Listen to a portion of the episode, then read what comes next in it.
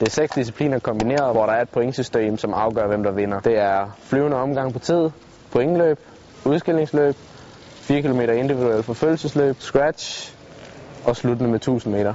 Først vil jeg fortælle lidt om omgang på tid, hvor du så har to og en halv omgang til at køre dig i fart, og så en omgang, hvor du skal køre så hurtigt du kan.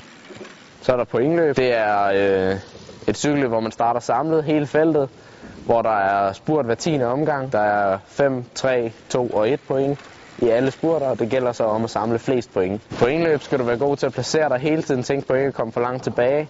Du skal være god til at kunne spurte mange gange. Så er der udskillingsløb.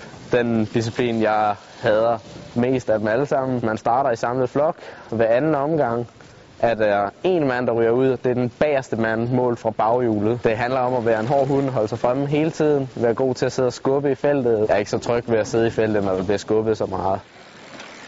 Og så kommer vi til min kongedisciplin. 4 km individuel forfølgelsesløb. Det man skal være god til, det er vel bare at æde sig selv og være ligeglad med at gå ind i benene. Så har vi scratch.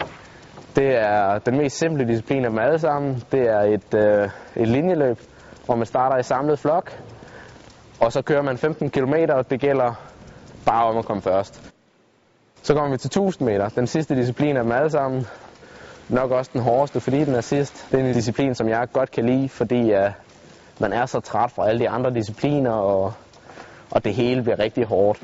Når det psykiske og det taktiske ikke uh, spiller så meget ind, og det kun er fysikken, der tæller, så, så plejer jeg at være ret god til at, at slå igennem.